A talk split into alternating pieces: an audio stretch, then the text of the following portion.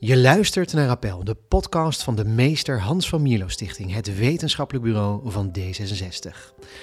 Een podcast waarin we op zoek gaan naar vernieuwende sociaal-liberale ideeën en oplossingen voor politieke en maatschappelijke vraagstukken. Mijn naam is Daniel Schut. Dat is misschien nog wel het grootste probleem van de democratie op dit moment. Ja. Dat, eh, dat inwoners eigenlijk niet vertrouwd worden en dat, er, dat uh, politici toch vaak inspraak synoniem zien aan tegenspraak. Ja. Uh, dat burgers vooral boze burgers zijn. Terwijl, ja, ik denk dan van achter die boosheid zit ook betrokkenheid. Als je mensen serieus neemt, als je ze durft te vertrouwen, als je ze durft vroeg in een proces te betrekken, als je oprecht nieuwsgierig bent naar kennis, ervaring van mensen, dan zie je dat mensen ongelooflijk uh, hulpbereid zijn en heel erg graag willen meedenken en Ja. heel erg graag um, en heel erg goed in staat zijn om dus inderdaad op een constructieve manier uh, te helpen om die beslissingen te maken. Overstromingen, hitterecords en bosbranden. De klimaatcrisis is niet meer een probleem van de toekomst, maar gebeurt nu. Terwijl de overheid zich al ruim 50 jaar bewust is van het steeds groter wordende probleem, blijft effectieve actie tot op de dag van vandaag uit. Een nieuwe minister voor Klimaat kan daar misschien wel verandering in brengen. Maar is dat genoeg? Is de gevestigde politiek wel in staat dit complexe en gepolariseerde probleem effectief aan te pakken? Of loopt de democratie zoals wij die nu kennen tegen haar grenzen aan? Hierover praten we met Eva Rovers. Zij is cultuurhistoricus, schrijver en oprichter van bureau Burgerberaad. Onlangs verscheen van haar bij De Correspondent Nu is het aan ons. Oproep tot echte democratie. Een vlammend pleidooi voor het instellen van klimaat-burgerberaden. In dit boek stelt Rovers dat de politiek verlamd is geraakt als het gaat om actie voor het klimaat en betoogt zij dat alleen meer zeggenschap en inspraak van burgers dit probleem kan oplossen. Eva, van harte welkom. Dankjewel. Goed dat je er bent. Hey, um, je verknoopt eigenlijk in je boek twee dingen aan elkaar. Hè? Klimaat aan de ene kant, burgerberaad aan de andere kant. Um, de, vertel eens eerst, hoe ben je zo zelf in aanraking gekomen met het idee van klimaatburgerberaden? Nou, heel erg vanuit mijn eigen zorg over klimaat. Uh, ik uh, maak me daar al jaren zorgen over. Um, en had ook het idee van er gebeurt eigenlijk niet genoeg. Voelde me daar ook best wel machteloos over. Wat, wat, wat, kan je daar zelf aan doen? Nou, je, kan bepaalde dingen doen. Je kan minder of niet vliegen, geen vlees eten, et cetera. Maar dat is niet voldoende. Het is belangrijk, maar het is niet voldoende. En uh, besefte wel steeds meer van... Het, het, we moeten uh, de hele besluitvorming rond dat klimaat... die moet eigenlijk anders. Die wordt nu eigenlijk zo ges, gefrustreerd door um, bepaalde ja, kwetsbaarheden in de democratie. Dat, ja, dat het inderdaad de politiek niet in staat is om adequaat te handelen naar die klimaatcrisis toe. En toen, um, ja, ik had, had gehoord over burgerberaden, over deliberatieve democratie, ja. zoals dat zo mooi heet.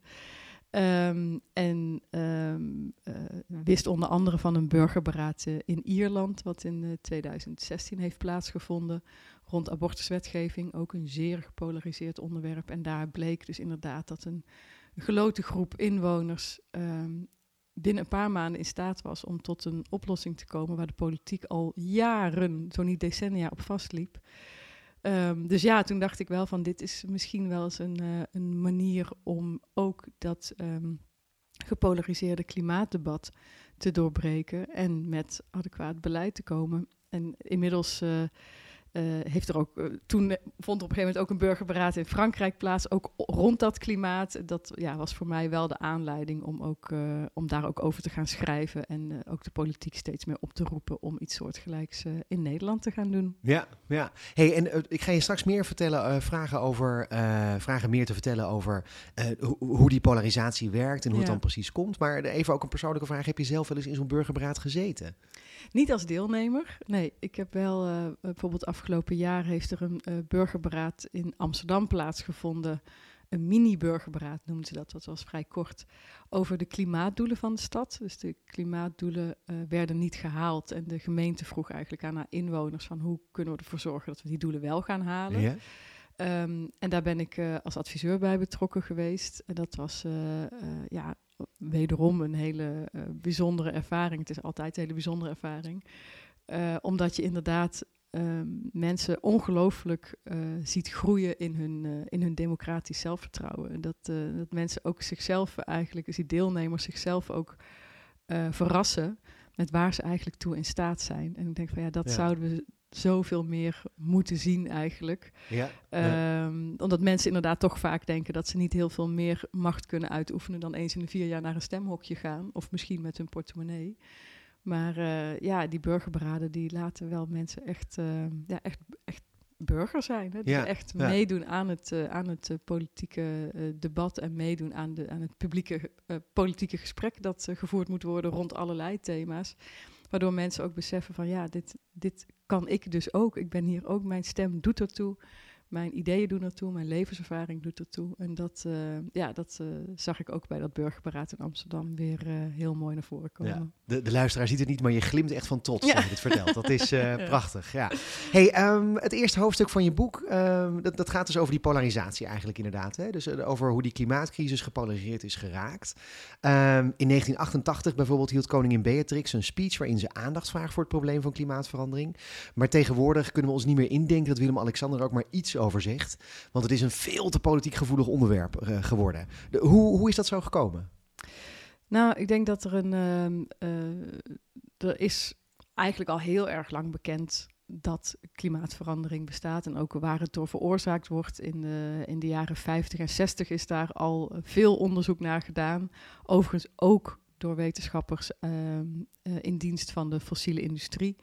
Eh, ExxonMobil, Shell, die hebben allemaal zelf onderzoek gedaan. Van, hè, klopt dat? Eh, zijn, en, en kunnen we aansprakelijk worden gesteld? Dat was ook een beetje de vraag die erachter zat. Maar ja, was toch wel echt heel, toen al brede consensus eh, dat het klimaat is aan het opwarmen. En dat gaat hele serieuze consequenties hebben voor het leven op aarde. En het wordt veroorzaakt doordat wij zoveel eh, CO2 die atmosfeer injagen. En dat, is, eh, dat werd ook wel opgepikt door de politiek internationaal. Eh, en je ziet eigenlijk tot, tot ongeveer midden jaren tachtig was daar best wel consensus over dat, eh, dat die klimaatopwarming een feit was en dat we dat kon, een halt konden toeroepen door minder CO2 uit te stoten. Ehm, maar ja, je ziet tegelijkertijd dat in die periode twee dingen gebeuren. Ten eerste dat ehm, eh, de, marktwerking veel belangrijker wordt. Dus dat eh, onder Reagan en Thatcher ehm, het, eh, nou, het neoliberalisme volle, eh, volle, tot vol wasdom komt. Weinig overheidsregulering. En aan de andere kant zie je dat de fossiele industrie ook echt beseft van nou, dit is, eh, het is een gevaar voor onze, voor onze winsten. En die zijn met een zeer heftige ehm, desinformatiecampagne begonnen. En dat, als je dat, en dat, is, en dat werkt door tot op de dag van vandaag. Niet door te zeggen dat klimaatverandering niet bestaat, maar wel door de, eh, het onderzoek naar eh, klimaatverandering, dus klimaatwetenschap, in twijfel te trekken. En dat ging zelfs zo ver. eh, bijvoorbeeld in, in Nederland ehm, is mooi onderzoek doorgedaan door Follow the Money ehm, heeft Shell een miljoen gulden betaald aan een, ehm, aan een hoogleraar om dus inderdaad die twijfel eh, te zaaien. Weet je nog welke hoogleraar dat was? Eh, Frits Butcher, Ja. een scheikundige. Ja, ja. en, dat, eh, en dat was ook een van de oprichters van de Club van Rome. Dus die had echt aanzien. Dat was ook echt iemand die zeer serieus werd genomen. Zeker als het over klimaat ging. Ja, en dat is natuurlijk ongelooflijk schadelijk geweest. En dat werkt tot de dag van vandaag door. Dus van, van een onderwerp waar eigenlijk zowel de industrie als de politiek als de wetenschap van zei van nou, dit is gewoon een, een, een, een, ehm, een, eh, voldongen feit. Dat het klimaat warmt op. Het komt door die fossiele eh, brandstoffen die we verbranden. Ehm, en daar kunnen we dus ook iets aan doen door minder fossiele brandstoffen te verstoken. Eh, is dat een onderwerp geworden waar je over kon twijfelen en een onderwerp geworden waarover je eh, een mening kon hebben naar gelang je politieke kleur. Ja. En dat, eh, ja, dat, en dat zie je doorwerken tot de dag van vandaag. Dat, dat zie je ook bijvoorbeeld in, in de media, waarin eh, toch nog vaak, als je een klimaatwetenschapper eh, aan het woord laat, moet er ook iemand aan het woord die eh, een, een sceptische houding heeft. Terwijl, ja, de- het, is een, het is een totale valse balans. Want Ja, mm, Ja. 98% van de klimaatwetenschappers is het er roerend over eens over weinig onderwerpen in de wetenschap is zoveel consensus als over de opwarming van het klimaat. Maar ja, door, door een, een, een scepticus en een, en een klimaatwetenschapper naast elkaar te zetten, lijkt het dan alsof dat 50-50 verdeeld is, terwijl dat uh, niet het geval is.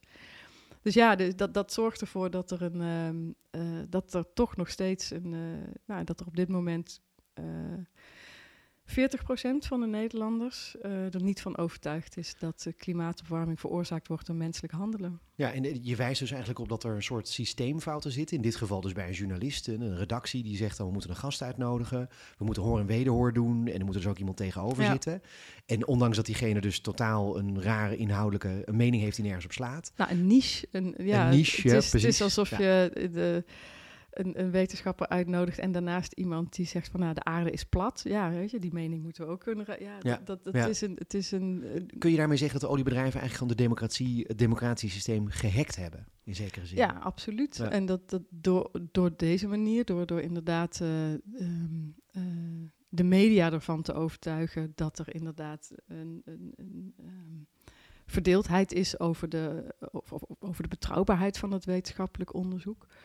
Um, maar ook natuurlijk door uh, de ongelooflijk uh, intensieve lobby die gevoerd wordt. Er worden miljoenen uh, per dag uitgegeven aan, aan lobby van politici, landelijke politici, Europese politici.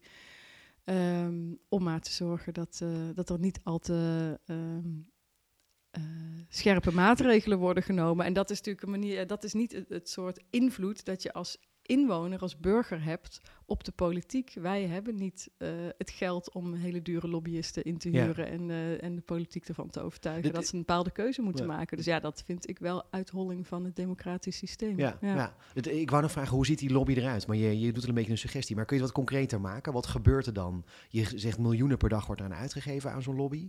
Hoe ziet dat eruit? Ja, dat is dan wel van, uh, van de, de hele industrie samen.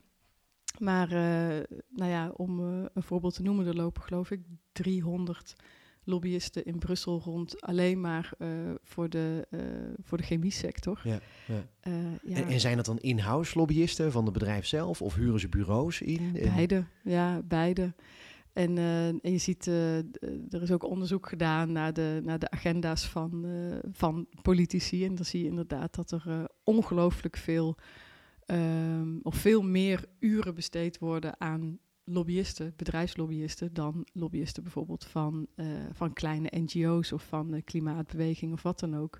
Dus tegen, tegenover die 300 lobbyisten staan er dan uh, anderhalf, bij wijze van spreken, voor, um, van de klimaatbeweging. Ja, ja. ja dan wordt het, is het natuurlijk moeilijk concurreren. Ja, als je zoveel, um, aan, zoveel het oor van de politiek hebt, dan dan komt daar veel invloed van, dan, vandaan. En dat, dat maakt het heel lastig. Ja, ja. Maar, maar dit is volgens mij niet de, de enige fout die jij ziet in het democratisch systeem. Want je schrijft in je boek dat het, uh, het, het huidige systeem werkt gewoon niet om complexe polariserende onderwerpen ja. aan te pakken. Wat, wat voor andere interne zwakte zie jij? Nou ja, over die lobby wil ik wel nog even zeggen. Want dat, ik vind dat het specifiek voor Nederland is dat echt een probleem. Omdat wij in Nederland... Uh, uh, echt onderaan bungelen als het gaat over uh, regulering van die lobby. Dus er is uh, vorig jaar onderzoek gedaan door de OESO, waar dat ook uit blijkt dat we geen lobbyregister, geen goede wetgeving, geen goed toezicht. Goed toezicht. Dus dat, dat, dat is echt een extra probleem, waardoor je dus inderdaad ziet dat grote bedrijven die zich veel lobbyisten kunnen veroorloven, gewoon echt substantieel veel invloed hebben op de politiek, zonder dat wij als inwoners ook daar zicht op hebben. Dus zonder mm-hmm. dat we kunnen zien wie heeft nou precies met politiek gesproken, waar is het over gegaan, hoe heeft dat uh, besluitvorming uh, beïnvloed. Ja, dat, ik vind dat wel een democratisch uh, ja. probleem. een ander groot probleem is dat we in Nederland echt in een diplomademocratie leven. 65% van de Nederlanders heeft maximaal een MBO-opleiding. In de Kamer is dat 5%. Um, nou hoeft een, een, een, een, parlement of een gemeenteraad niet een exacte afspiegeling te zijn van de samenleving, maar het gat moet niet te groot zijn. En dat gat is wel heel erg groot. Dus je ziet dat zowel in de politiek, maar ook bijvoorbeeld bij uitvoeringsinstanties, bij de journalistiek, eigenlijk alle, alle organen die echt invloed hebben op die democratie, dat daar vooral heel erg veel mensen met een theoretische opleiding zitten, HBO of WO.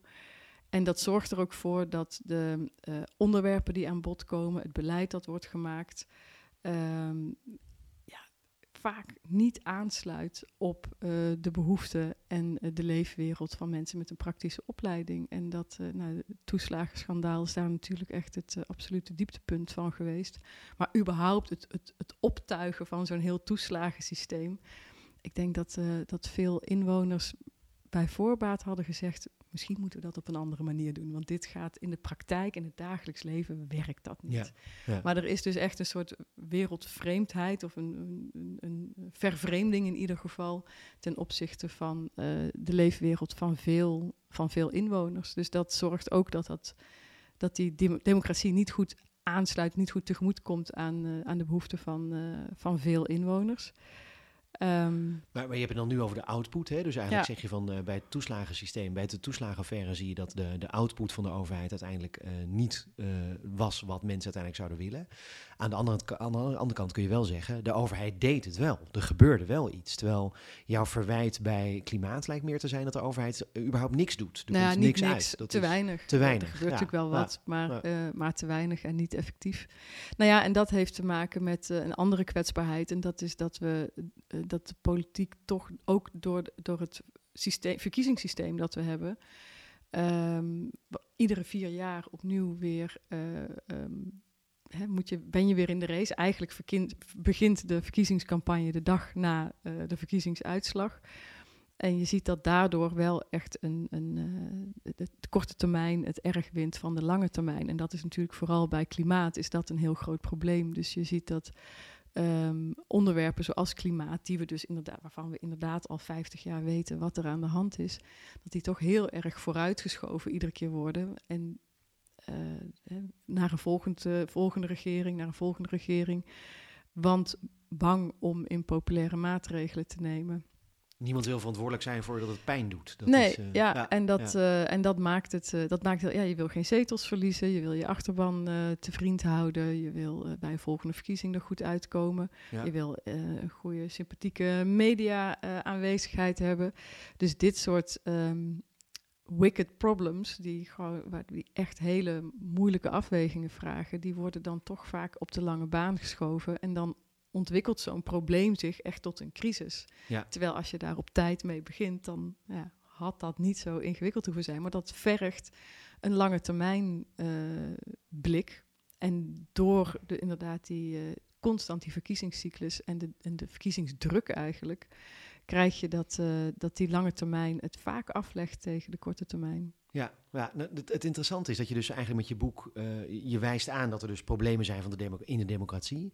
Tegelijkertijd pleit je wel voor meer democratie. Ja. Um, terwijl heel veel mensen met dit soort situaties uh, ook zeggen, nou ja, de democratie is leuk, maar af en toe moet je het even buitenspel kunnen zetten. We zagen laatst nog Marcel Levy die dat zei. Uh, die zei, een jaartje dictatuur zou best wel goed zijn. Dan kunnen we al die problemen die taai en stroperig zijn, mm. die kunnen we gewoon even één keer oplossen. jaartje maar en dan weer terug naar de democratie. De, hoe, hoe zie jij dat? Uh, lijkt mij een minder goed idee. Waarom? ja, nou, omdat um, uh, we hebben, uh, en ook dat komt wel voor, dat zie, zie, je ook in onderzoek, er is geen enkele aanwijzing dat een dictatuur tot meer klimaatbeleid gaat leiden. Mm -hmm.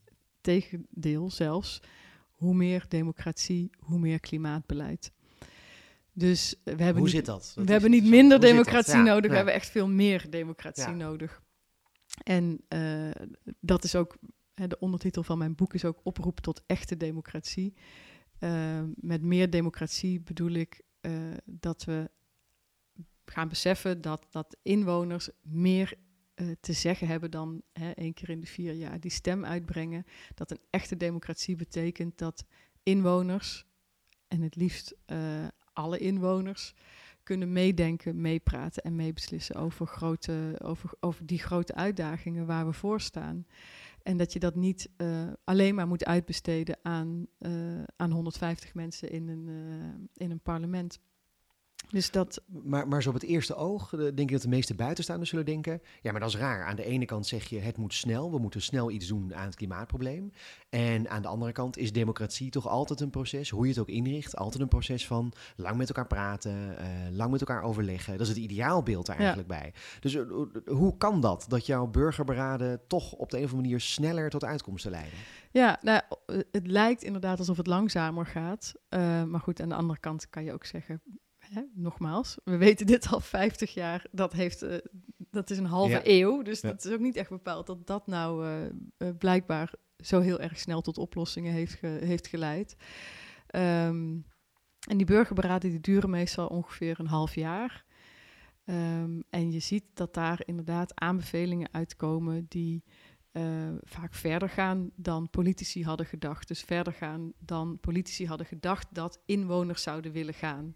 En dat is waar die versnelling ook in zit. Dus je, eh, je neemt een half jaar de tijd, wat overigens, als je kijkt naar de gemiddelde eh, maatregel die doorgevoerd wordt, nog, nog steeds ontzettend kort is. Helemaal als je het met die 50 jaar vergelijkt. Ja.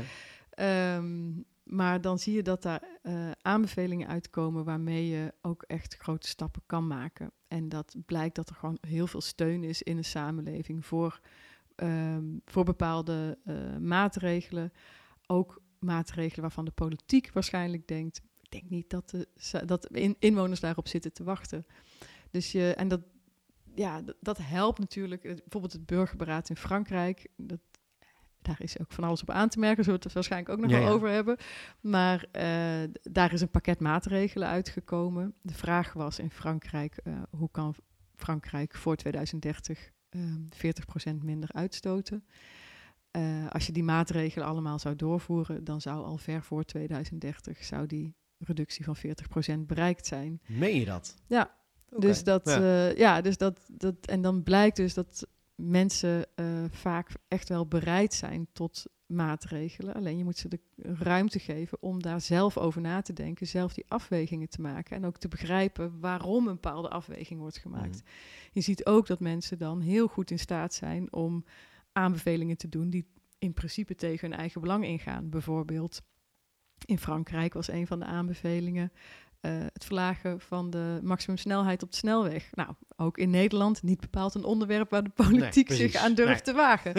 Eh, maar ja, vraag het aan inwoners en die zullen dan zeggen van ja, ik vind dat zelf misschien niet zo leuk, maar ik besef inmiddels wel dat het voor het gemeenschappelijk belang en voor het toekomstig belang van mijn kinderen en kleinkinderen misschien toch wel beter is.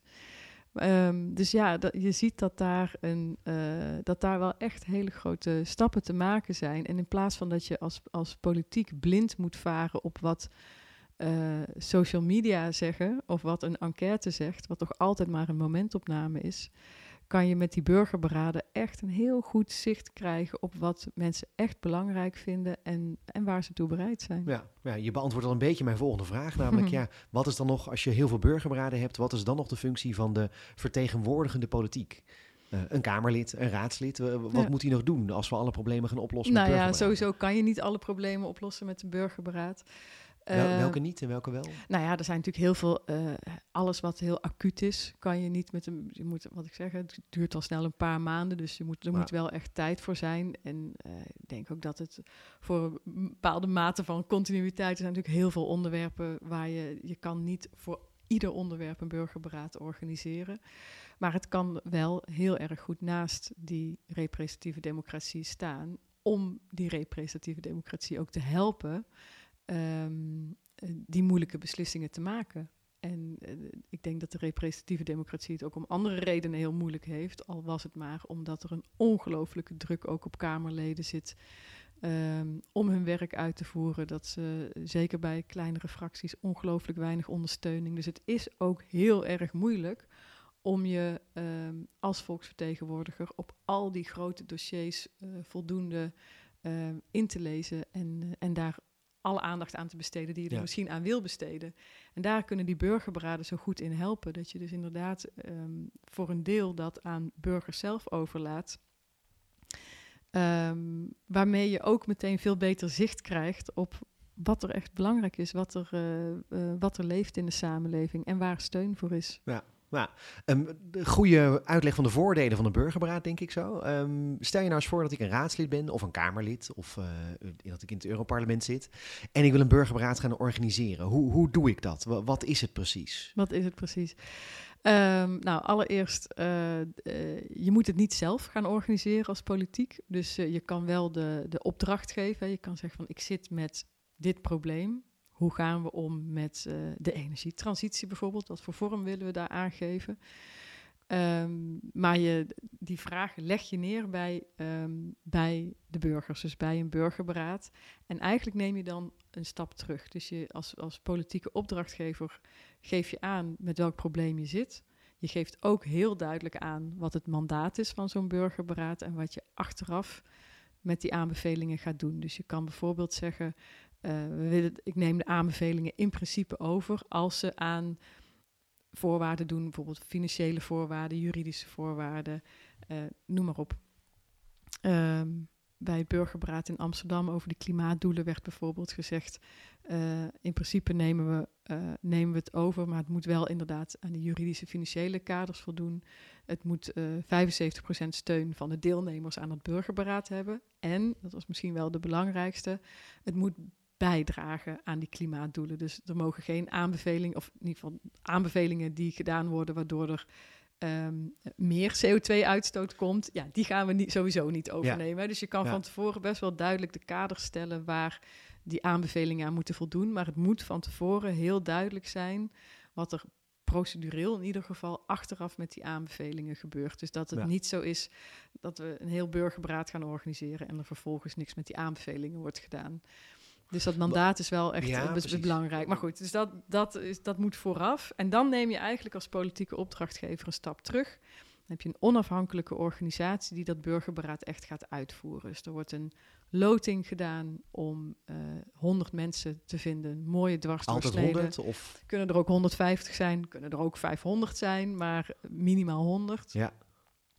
Um, uh, zeker als het over een landelijk burgerberaad gaat, want dan ja, je wil gewoon een goede afspiegeling van de samenleving hebben. Um, een gewogen loting, dus dat zorgt ervoor dat je met bepaalde kenmerken kan meeloten, zodat er ongeveer evenveel mannen als vrouwen in zitten. De leeftijdsopbouw, uh, de leeftijdsopbouw van de samenleving weerspiegelt. Uh, vooral ook uh, opleidingsniveau goed weerspiegeld is. Dus ja. dat er niet alleen maar, hè, weer alleen maar hoger opgeleiden in zo'n burgerberaad zitten. Um, maar juist ook mensen met een, met een praktische opleiding. Um, nou goed, dus een goede afspiegeling, echt een soort ja, microcosmos van de samenleving. En dan gaat het beginnen. Zo'n burgerberaad bestaat eigenlijk uit drie fases. Die mensen, die deelnemers laten zich eerst informeren door wetenschappers, deskundigen, belangengroepen van alle mogelijke kanten. Dus het is heel open, het is niet sturend. Um, deelnemers kunnen vooral ook zelf aangeven van nou, ik zou nog wel graag van die deskundige willen horen of ik uh, heb nog informatie op dit gebied nodig. Um, vervolgens gaan ze met elkaar in gesprek, dat is de tweede fase. En dat is ook eigenlijk echt een beetje waar de magie plaatsvindt. Dat is het, het beraad zelf, het yeah. delibereren zelf. Dan gaan mensen in kleinere groepjes van acht mensen aan tafel zitten. Um, met een onafhankelijke tafelbegeleider erbij, die ervoor zorgt dat mensen dus inderdaad op een hele gelijkwaardige manier met elkaar in gesprek gaan. Geen meningenoorlog, niet de ander van jouw ideeën proberen te overtuigen. Dus het is geen vechtgesprek, het nee, is geen Het is heel erg zoeken naar is, waar, uh, waar, ja. vinden, waar, waar vinden we elkaar wel? Waar ja. is de common ground? En hoe kunnen we van daaruit oplossingen bedenken voor het probleem wat voor ons ligt? Mm -hmm. Nou, die oplossingen of die aanbevelingen worden uiteindelijk uh, verzameld. En dat is dan de derde fase, de uh, uh, eigenlijk de concludeerfase. Dus het is leren, delibereren, concluderen. Dan worden die aanbevelingen. Dat mooi. Heel mooi. Ja, het onthoudt het ook wat makkelijker. Die worden die aanbevelingen um, uh, aan de hele groep weer voorgelegd. Daar wordt over gestemd. Daar gaan vaak meerdere stemrondes overheen. Dus het is niet uh, uh, de meeste stemmen gelden, maar het is vooral ook: zijn er nog bedenkingen? Wat is er nodig om mensen um, die nu nog twijfelen, misschien wat moeten we aan zo'n aanbeveling aanpassen om toch te zorgen dat, er, dat mensen zich erin kunnen vinden? En dan krijg je een heel mooi overzicht van, nou, 80% van de aanwezigen, van die deelnemers, kan hier steun aangeven, 75% voor deze aanbeveling. Dat wordt vervolgens overhandigd aan de politiek, dat rapport.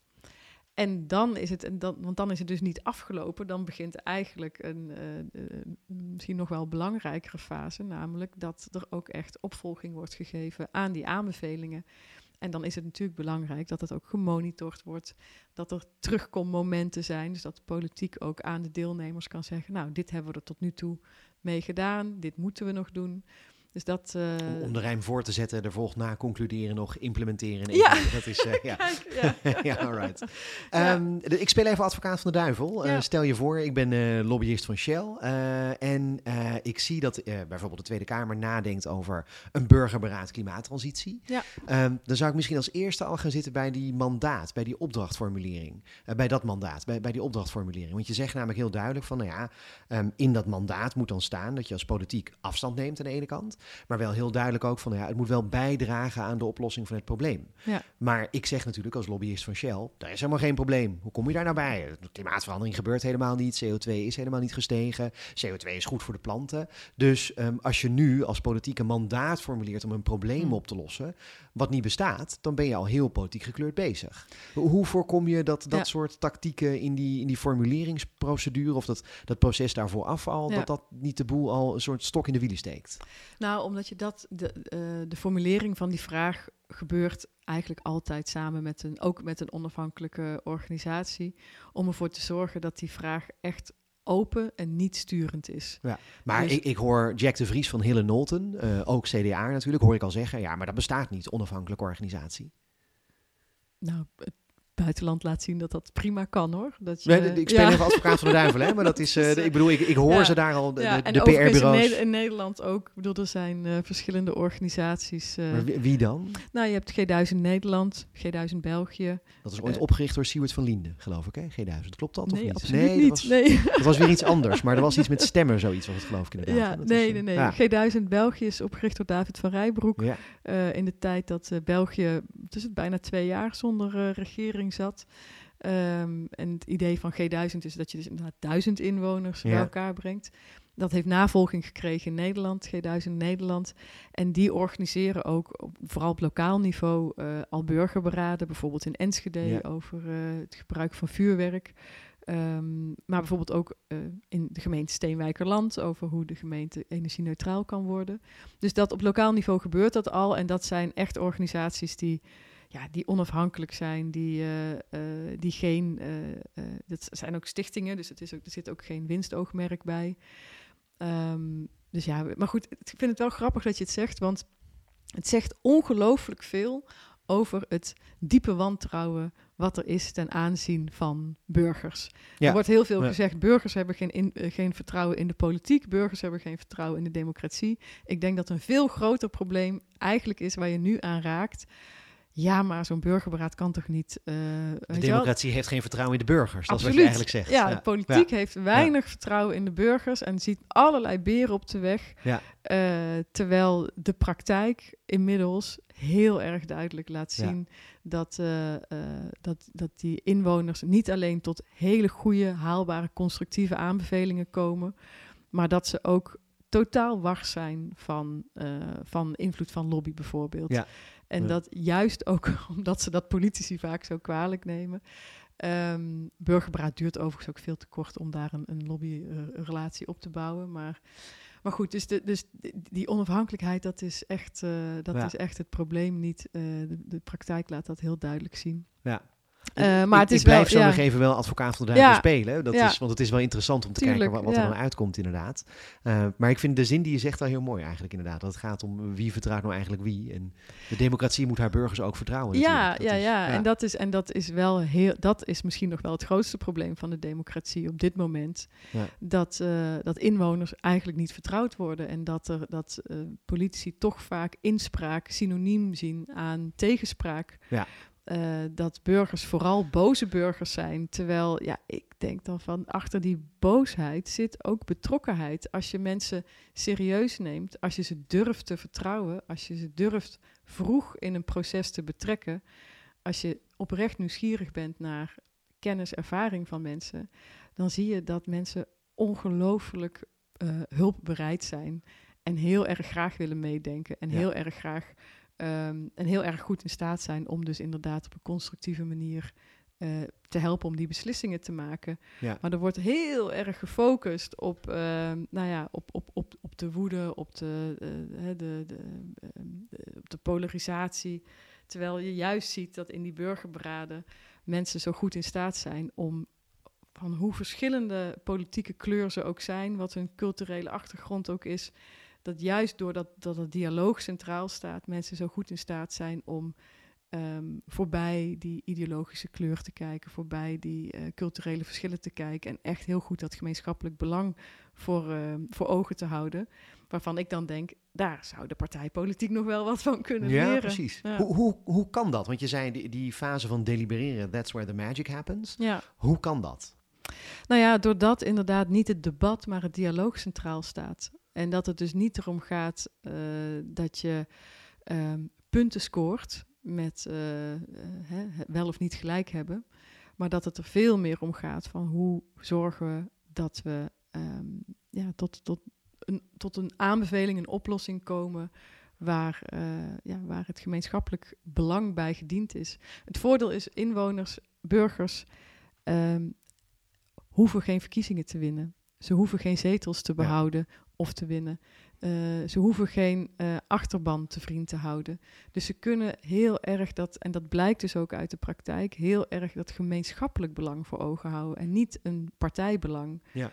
En dat maakt al dat je veel vrijer bent om over onderwerpen te praten buiten ehm, eh, het, het frame wat een partij al voor zichzelf heeft gezet. Van eh, wij zijn eh, sowieso voor eh, kernenergie, noem maar wat. Of Ja. we zijn sowieso, we willen sowieso alleen maar windmolens. Terwijl in zo'n burgerberaad hoef je de, dus de, de, de, de stellingnames van zo'n partij, daar hoef je helemaal geen rekening mee te houden. Je kan gewoon echt kijken naar wat is nou de beste oplossing in deze Ja. situatie. Als ik het goed begrijp, zeg je eigenlijk dat dat ideaal wat in de grondwet staat, dat Kamerleden zonder last of ruggespraak een besluit moeten kunnen nemen. D- dat kan eigenlijk niet, maar een burger in een burgerberaad Ja. kan dat wel. Ja, nou ja, sterker nog, eh, eh, ik geloof dat eh, Kamerleden 99,9% van de gevallen meestemmen met hun fractie. Ik weet niet of dat zonder last en lug- rugspraak Ja, is. precies, dat is ja. natuurlijk, dat, dat, dat- dat- ben je dan echt een volksvertegenwoordiger of ben je een partijvertegenwoordiger? Ja. Ja. Ja, dus dat is wel interessant. Er is natuurlijk heel veel meer kritiek is er nog te zeggen op burgerraden. En dat is misschien ook wel goed om die zo nog even te, te bespreken. Maar, maar ik vind het wel interessant om, om ook wat meer te horen over hoe dat dan precies werkt. Dat zo'n dialoog dan mensen kan, je kan laten groeien in hun mening eigenlijk. Dus heb je daar wat concrete voorbeelden van? Ja, nou een heel klassiek voorbeeld een, eh, eh, is het, het burgerberaad in Ierland, wat ik net al even Ja. kort aanhaalde. Eh, katholieke Ierland, wat zowel politiek als maatschappelijk extreem gepolariseerd was over abortuswetgeving. Ierland kende een van de strengste abortuswetgevingen ter wereld. Ehm, en waar referenda over georganiseerd zijn. Nou, nog meer polarisatie tot gevolg. Eh, en dat, en dat, dat leidde tot ongelooflijke onrust in die samenleving. En uiteindelijk is er vanuit de samenleving ook een roep gekomen naar de politiek van moet hier niet een burgerberaad over georganiseerd worden. En toen zijn inderdaad 100 eh, of 99 geloten Ieren ehm, hebben een burgerberaad. Waarom eh, 99? Waarom niet 100? nou, het was 99 plus een onafhankelijk voorzitter. Oh, oké. Ja, dus uiteindelijk ja, toch 100. Ja, ja. Ehm, maar dus inderdaad Ieren uit, eh, uit het hele land, platteland, grote stad, eh, praktisch geschoold, eh, academisch geschoold, you name it, alle leeftijden.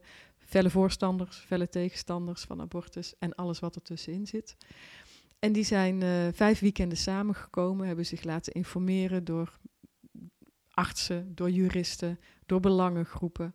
Ehm, hebben op een gegeven moment ook gezegd, wij willen graag ook van vrouwen zelf horen. We willen graag Mm. eh, ervaringen uit de praktijk horen, zowel positief als negatief. Dus die hebben dat onderwerp van die, eh, van die abortuswetgeving, hebben ze eigenlijk losgetrokken uit alleen maar voor of tegen. Ze hebben dat van alle mogelijke kanten zijn ze dat gaan bekijken.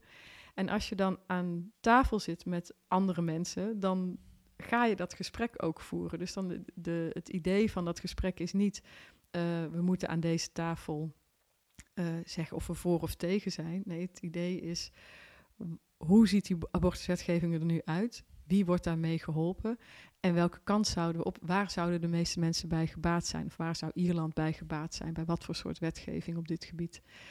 Ehm, en doordat mensen eh, vanuit alle mogelijke perspectieven geïnformeerd worden, krijgen ze ook veel meer eh, zicht en grip op dat onderwerp. En gaan ze ook met elkaar veel meer in gesprek over, ook over ieders perspectief daarop. En je ziet dan ook dat mensen de ruimte hebben om een beetje van mening te veranderen. En wat niet wil zeggen dat ze diametraal de andere kant op gaan.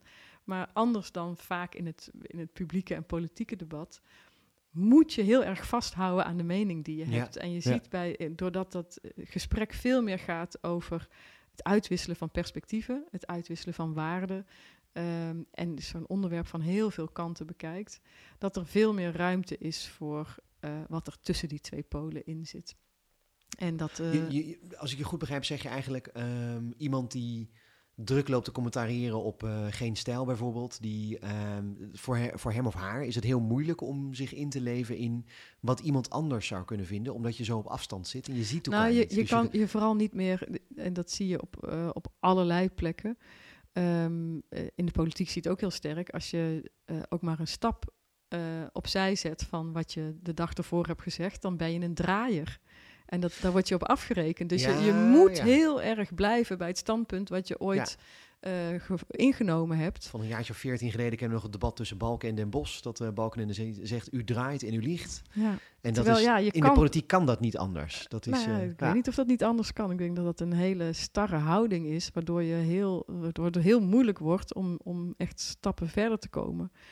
Um, als die ruimte er wel is, dan kan je, um, ja, dan, dan wordt, wordt er in één keer heel veel meer mogelijk. Ja. En dat is, uh, en dat, ja, dat zie je bij die burgerbraad, dat dat, omdat het dus over dat dialoog gaat, om het uitwisselen van perspectieven, zie je dat mensen ook veel meer begrip krijgen. Het gaat er niet om dat ze gelijk krijgen, het gaat erom dat ze begrip krijgen voor elkaar standpunt. En dat maakt ook dat je vervolgens veel makkelijker uh, tot, een, tot een consensus kan komen en kan zeggen van nou ja, dit, deze manier of deze kant willen we met z'n allen op. Ja. Um, dus een beetje uit de, uit de loopgraven van het eigen gelijktreden. Ja, ja, nou is een, een kritiek, daar moeten we dan toch nog even over hebben. Een kritiek vaak op de selectie van de burgers is dat, uh, ja, als je burgers dan gestratificeerd selecteert, want je zegt je een afspiegeling, dus dan zeg je hier in Amsterdam, daar wonen zoveel mensen van die afkomst en zoveel mensen van die en dit is de inkomensgroepen. Ja.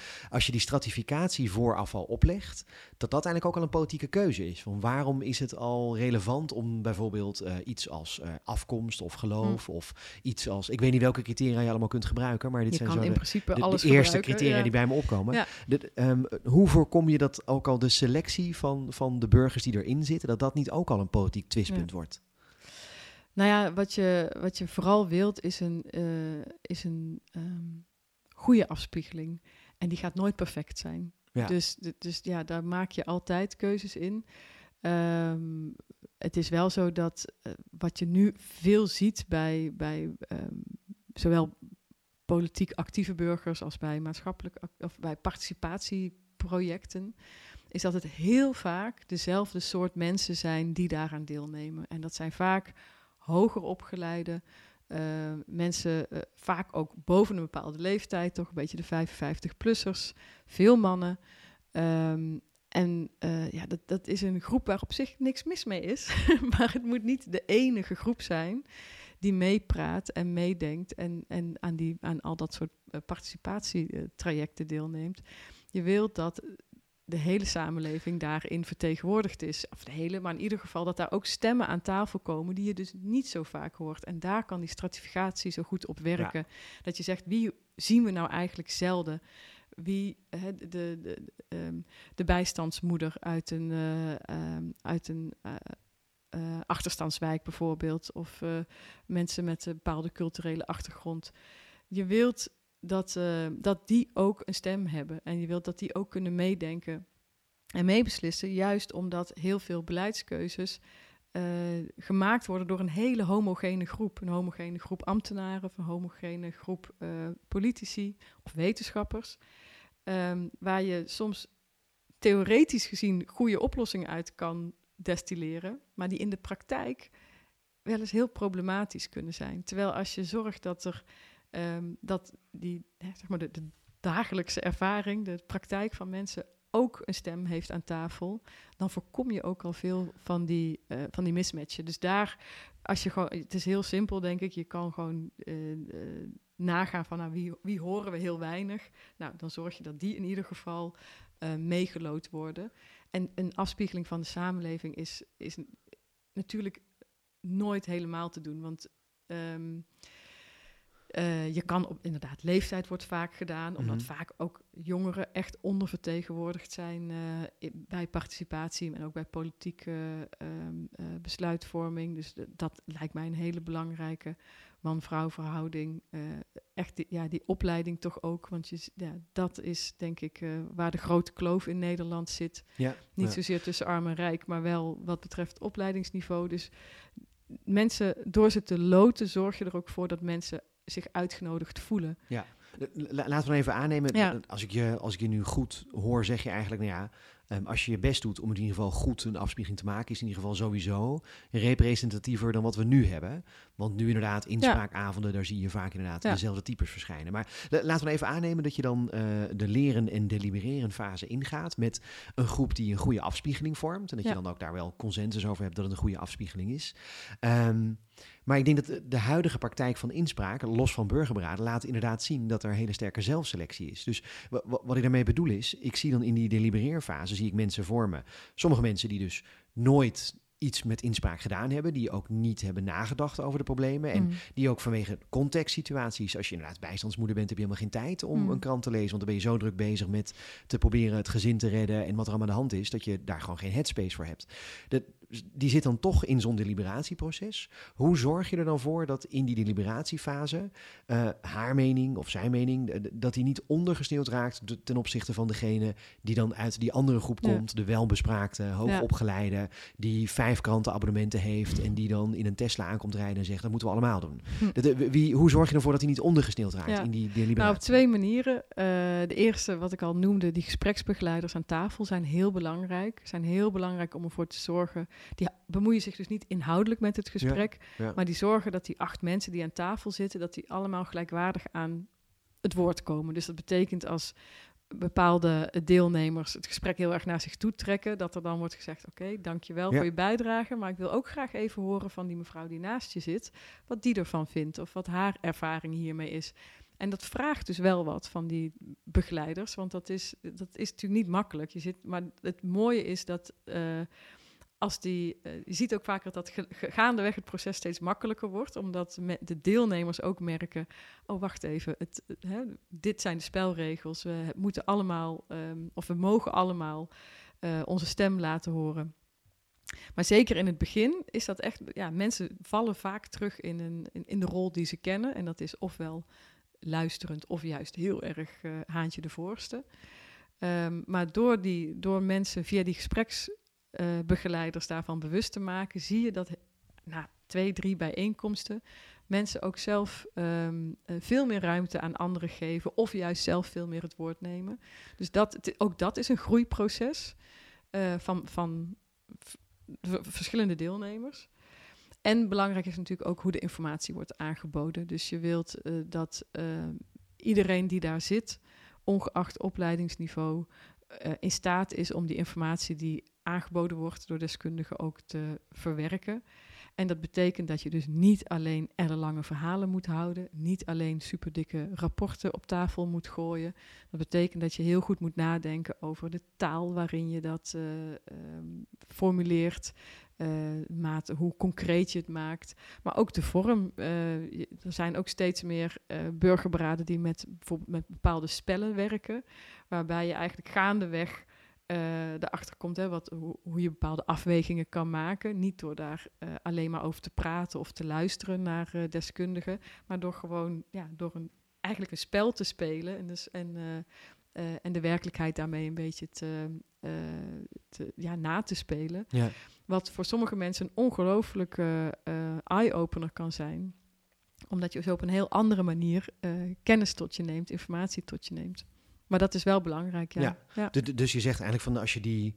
Ja, wat je zegt vind ik eigenlijk heel mooi. Als je zegt die, als je die deliberatiefase ook democratisch ingaat. Dus je hebt iemand nodig, een procesvoorzitter die echt de principes van democratie in de gaten houdt. Namelijk elke stem telt evenveel. Ja. Dan, dan leidt dat dus wel tot goede processen. Dat leidt er dus wel tot ook de mensen die ondergesneeuwd kunnen raken, dat die toch boven komen. Als het ware. Nou ja, en, en je ziet ook dat, dat als dat dus niet gebeurt, dat het dat, dat dus ook meteen effect heeft. Want er zijn ook uh, in... Um, uh, burgerberaden waarin eh, de filosofie is, mensen uh, moeten dat zelf doen. Hè? Dus Mhm. mensen, die, zeggenschap ligt bij de deelnemers om dat gesprek gelijkwaardig te doen.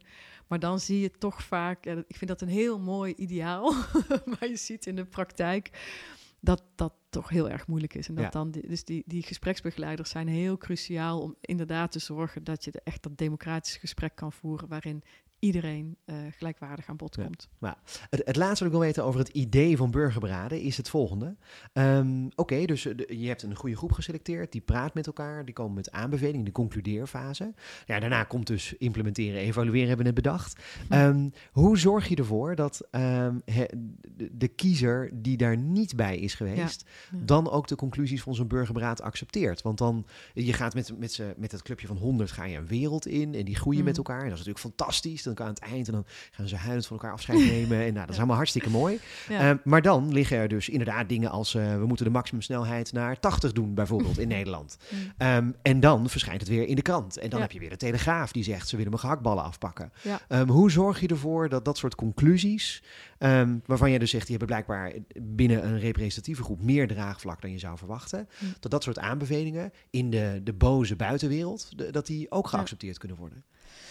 Nou, heel belangrijk is dat eh, zo'n burgerberaad niet een, eh, een afgezonderd eilandje is. Dus het moet heel transparant. Het is heel belangrijk ook dat er een, een goede informatiecampagne omheen is. Dus dat, mensen, dat de mensen die, ja, iedereen in het land ver van tevoren al weet, er komt een burgerberaad aan. Dat werkt zus en zo. Dit is de vraag. Op deze manier worden de deelnemers eh, geselecteerd, et cetera, et cetera. En vooral ook tijdens het proces zelf, dat, eh, dat de rest van de samenleving kan meedenken en kan meeleren. En dat eh, doe je onder andere door eh, de, al die informatiesessies eh, te livestreamen. zodat iedereen die dat wil, dat kan volgen. En dat gesprek vervolgens ook aan de keukentafel kan, Mhm. kan voortzetten. Dat alle informatie waar die deelnemers gebruik van maken, openbaar wordt gemaakt. Dus het is allemaal te vinden op de website en te downloaden, noem maar op. Ehm, en je wil natuurlijk ook, je kan ook input vragen uit de samenleving. In Ierland, bij dat burgerberaad over die abortuswetgeving, werd gewoon echt aan de Ierse bevolking gevraagd: wat vinden jullie ervan? Nou, er kwamen 14.000 inzendingen van mensen die het. ehm, nou ja, je kan je ongeveer voorstellen wat Dat is soort, wat eh, leeswerk. Dat is, eh, ja, ja, ja. ja. maar, maar ook, ook om daarmee aan te geven, het, we willen ook echt weten wat er in, eh, in de samenleving, hoe er hierover gedacht wordt. Dus Ja. dat, dat, en dat is ook een manier zodat, waardoor de bevolking ook kan zeggen, hè, wij hebben hier ook een, onze bijdrage aan kunnen leveren. En een andere manier is, want dat wil ik wel nog even noemen. ehm, er is in Nederland ooit een burgerberaad geweest. Oeh, ja, ja. jawel. In 2006, geïnitieerd door ehm, minister Pechtold destijds eh, een burgerforum kiesstelsel. En eh, een van de onderdelen daar was ook dat dat burgerberaad, eh, dat er door het hele land bijeenkomsten werden georganiseerd waar de bevolking naartoe kon gaan om met die leden van dat burgerberaad in gesprek te gaan. Dus er zijn allerlei manieren te bedenken waarop je die samenleving daar echt bij kan betrekken. Maar dat is wel heel essentieel, ja. Want als, als mensen er niks van weten, niet weten dat het bestaat... en er kom- komen wat voor aanbevelingen dan ook uit... ja, dan is het wel moeilijk natuurlijk om voor, voor mensen die daar niks van weten... om te, dat soort aanbevelingen dan te, Ja. te accepteren. Ehm, maar als je dat goed aanpakt, dan helpt het wel. En je merkt ook, dat zie je ook wel uit onderzoek naar voren komen... dat eh, een bevolking ehm, ver- vrij veel vertrouwen heeft in dat burgerberaad, omdat er iemand zoals zij in zitten. Ze herkennen zich in dat burgerberaad. Ja, En bijvoorbeeld bij die abortuswetgeving in Ierland. ehm, ehm, uiteindelijk werd ervoor gestemd om eh, dat af te schaffen en, en, er een, eh, en vrouwen dus toegang te geven tot een legale abortus. En dat werd gevolgd door 70% van de Ierse bevolking. In Frankrijk hetzelfde. Hoe verdeeld Frankrijk ook was over klimaatbeleid en de aanpak daarvan. 70% van de eh, Fransen kon zich in alle, bijna al op één na, eh, vinden in die, eh, in die aanbevelingen. Dus dat zijn, dat zijn eh, ongelofelijke aantallen. En dat, is, dat, dat zegt ook iets over dat mensen dus ehm, zo'n burgerberaad vertrouwt op het moment dat ze zichzelf erin kunnen herkennen en op het moment dat het transparant is en ze hebben ja, hebben kunnen meeontwikkelen eigenlijk Ja, met ja. zo'n burgerberaad. Dus ja. je zegt eigenlijk van de deuren moeten niet dicht bij het burgerberaad, ze moeten juist Heel open. erg zodat je- open, ja, ja, absoluut. Ja. De- de- radicaal transparant lijkt me dat. Ja. Ja, je hoopt eigenlijk dat er dit jaar nog ook gestart gaat worden op nationaal niveau. Want je noemde wat voorbeelden eh, in andere landen, Ierland en. Frankrijk. Je noemde ook in Nederland enkele voorbeelden. Het burgerforum van 2006. Maar eh, voor de, voor de rest was het vooral lokaal. Ja, Je ja hoopt en het dus- burgerforum in 2006, nadeel was ook, de uitkomsten werden gepresenteerd nadat het kabinet was gevallen.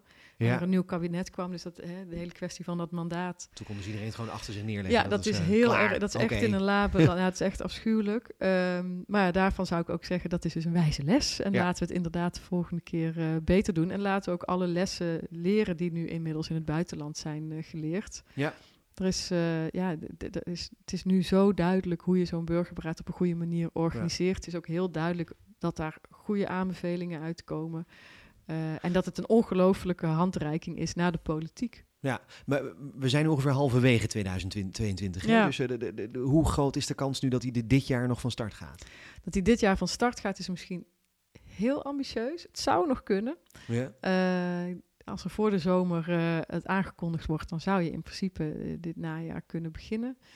Ehm, maar ja, ik mag toch hopen dat het in ieder geval aangekondigd wordt. En ik denk ook wel dat er goede hoop is. Eh, volgens mij staan de lichten wel op groen. Er is ehm, eh, anderhalf jaar geleden een motie ingediend ehm, eh, in de Tweede Kamer om onderzoek te laten doen naar de mogelijkheden van burgerberaden. Die is heel breed gedragen in de Kamer. Er is een mooi onderzoek gedaan door de commissie Brenninkmeijer, Weiden, Alex Brenninkmeijer, helaas. Die vervolgens dus dat onderzoek heeft gedaan en ook heeft aangetoond, ja, zeker rond klimaat en energietransitie, heel goed idee, die burgerberaden. Ehm, en eh, nou, ik, heb, ik heb mijn boek overigens ook mogen aanbieden aan Rob Jetten. Ja, dat waren nog Eh, vragen. Heb je hem ja. nog wat ingefluisterd? eh? Eh, nou, ik heb hem niks ingefluisterd. Ik heb hem een boek gegeven Ja. en gezegd dat hij het moest Doe gaan dit. lezen. ja, het was, ook dat was helemaal eh, heel transparant. Ehm, en eh, nou, ik, ik eh, begreep, ik, ik las een post van hem toevallig deze week, waarin hij zei eh, dat hij, eh, ja, dat hij, hij raadde sowieso iedereen het boek aan. Daar was ik natuurlijk heel blij mee. Maar ehm, eh, ook dat hij zei van, nou, ik kom met voorstellen. Dus eh, ik ben heel benieuwd. Alright. Ja. Ja. Eh, laten we dan de laatste, de vaste slotvraag eh, stellen. Ehm, die is namelijk, eh, stel je voor dat jij nu zelf de minister van Klimaat bent. Dus eh, niet je het boek aanbiedt aan Rob, maar Ja. dat je, je bent zelf de minister. Ja, Ehm, wat zou je als eerste doen in dit geval? afschaffen van fossiele subsidies. Oké. Ja. Ja. Alright. Dat is maar zonder burgerberaad dus. Gewoon doen. Dat is. eh, Ja, je, je kan daar een burgerberaad over organiseren, maar ik vermoed dat hij tot dezelfde komt. Ja, heel veel mensen weten ook niet dat er ehm 8 tot 14 miljard euro per jaar naar de fossiele industrie gaat. Ja. In de vorm van eh, ondersteuning en subsidies. wa- waar kan je dat terugvinden? Ja, er is heel veel onderzoek eh naar gedaan. De Milieudefensie, Follow the Money. ehm, eh, ik geloof Amnesty ook, dat weet ik niet helemaal zeker. En Ehm, hoe gaat dat geld dan naar de fossiele industrie? Is dat. eh, Ja, dat zijn allerlei ondersteuningsmaatregelen, eh, kortingen, subsidies. En dat eh, en op een gigantische schaal. En Ja. dat, dat zijn wel de bedragen die je eigenlijk zou willen besteden aan, aan verduurzaming en aan het transitie ontwi- aan zelf, de ja. transitie zelf. Ja. Ja. ja, en wat ik er ook heel zuur aan vind, is dat, ja, dat er heel veel gevraagd wordt van inwoners om in hun huis te investeren, om het te verduurzamen. de Vaak burger geld moet isoleren. De ja, moet- precies. ja. terwijl eh, de, de grootste vervuilers eh, nog steun krijgen. En dat, ja, dat is natuurlijk aan niemand te verkopen. Ja. Dus ja, dat zou het eerste zijn wat ik zou afschaffen. Maar inderdaad, je hebt natuurlijk helemaal gelijk. Eh, ik zou absoluut beginnen met, met, met burgerberaden omdat ik echt denk dat we, dat, eh, dat we daarmee eh, de democratie kunnen versterken. En dat we ook die enorme transitie waar we voor staan. ehm, op een democratische manier kunnen en moeten vormgeven. Dat dat iets is waar je als hele samenleving over moet kunnen nadenken en meepraten en meebeslissen. Ehm, want het is nogal een uitdaging waar we voor staan. Dus laten we dat vooral samen doen. Laten we als politiek en samenleving elkaar echt als bondgenoten zien. En eh, samen die grote uitdagingen aanpakken. Hartelijk dank Eva en jij luisteraar, bedankt dat je luisterde. Vergeet niet je te abonneren op deze podcast als je dat nog niet hebt gedaan. En over twee weken dan zijn we er weer en dan gaan we het hebben, we hebben het vandaag er ook al een beetje over gehad, over het recht op abortus. Tot dan!